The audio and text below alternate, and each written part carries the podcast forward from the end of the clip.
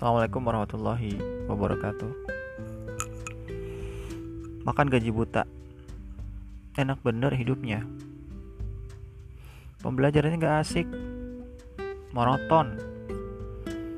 Itu guru bisa gak sih buat video pembelajaran yang menarik? Masa pakai aplikasi ini aja gak bisa?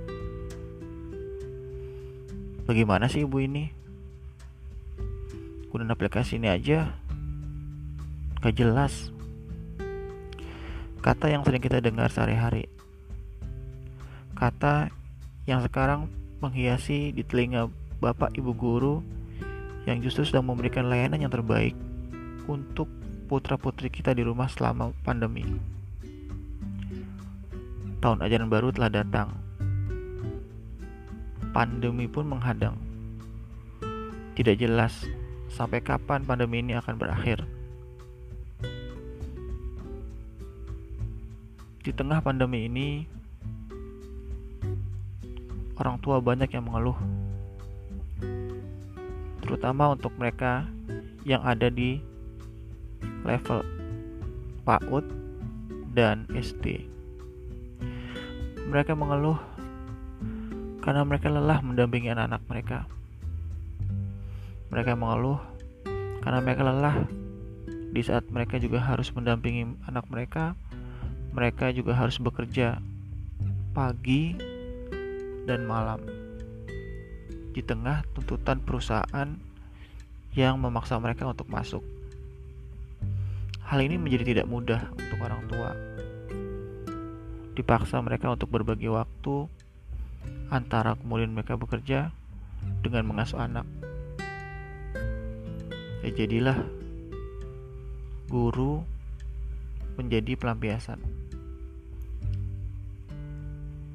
Yang saya tahu, ketika guru melakukan pelayanan, ini juga mudah, bukan hal yang mudah buat mereka. Ingat deh, mereka juga punya keluarga di rumah yang mereka terkadang harus tinggalkan. Mereka juga harus mengajar dan memberikan layanan yang terbaik, meskipun terkadang fasilitas yang mereka punya pun tidak selalu mumpuni.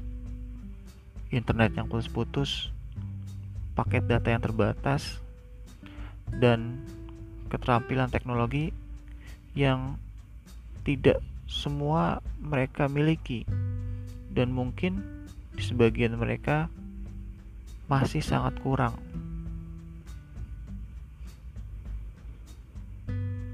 Tapi kalau kita pikir-pikir sebagai orang tua, sepatutnya kita hargai bagi sekolah atau guru yang telah memberikan lain yang terbaik buat anak-anak mereka.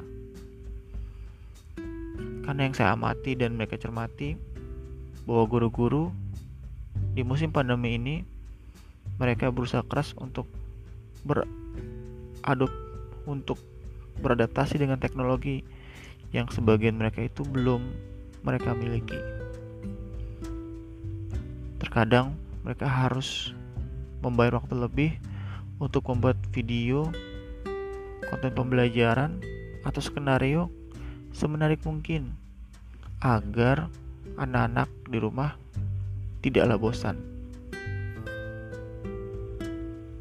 Jadi rasanya kalau menurut saya tidak bijak rasanya menyalahkan semua kegelisahan kita kepada guru.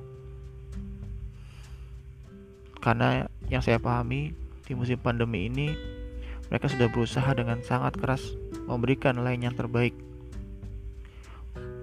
agar anak-anak tetap nyaman di rumah, agar anak-anak tetap sehat di rumah, agar ketika keluar dari musim pandemi ini, anak-anak kita tidak kekurangan perasaan mereka atau intuisi mereka dalam hal belajar. Maka sepatutnya lah bagi kita untuk bisa menghargai jerih payah mereka.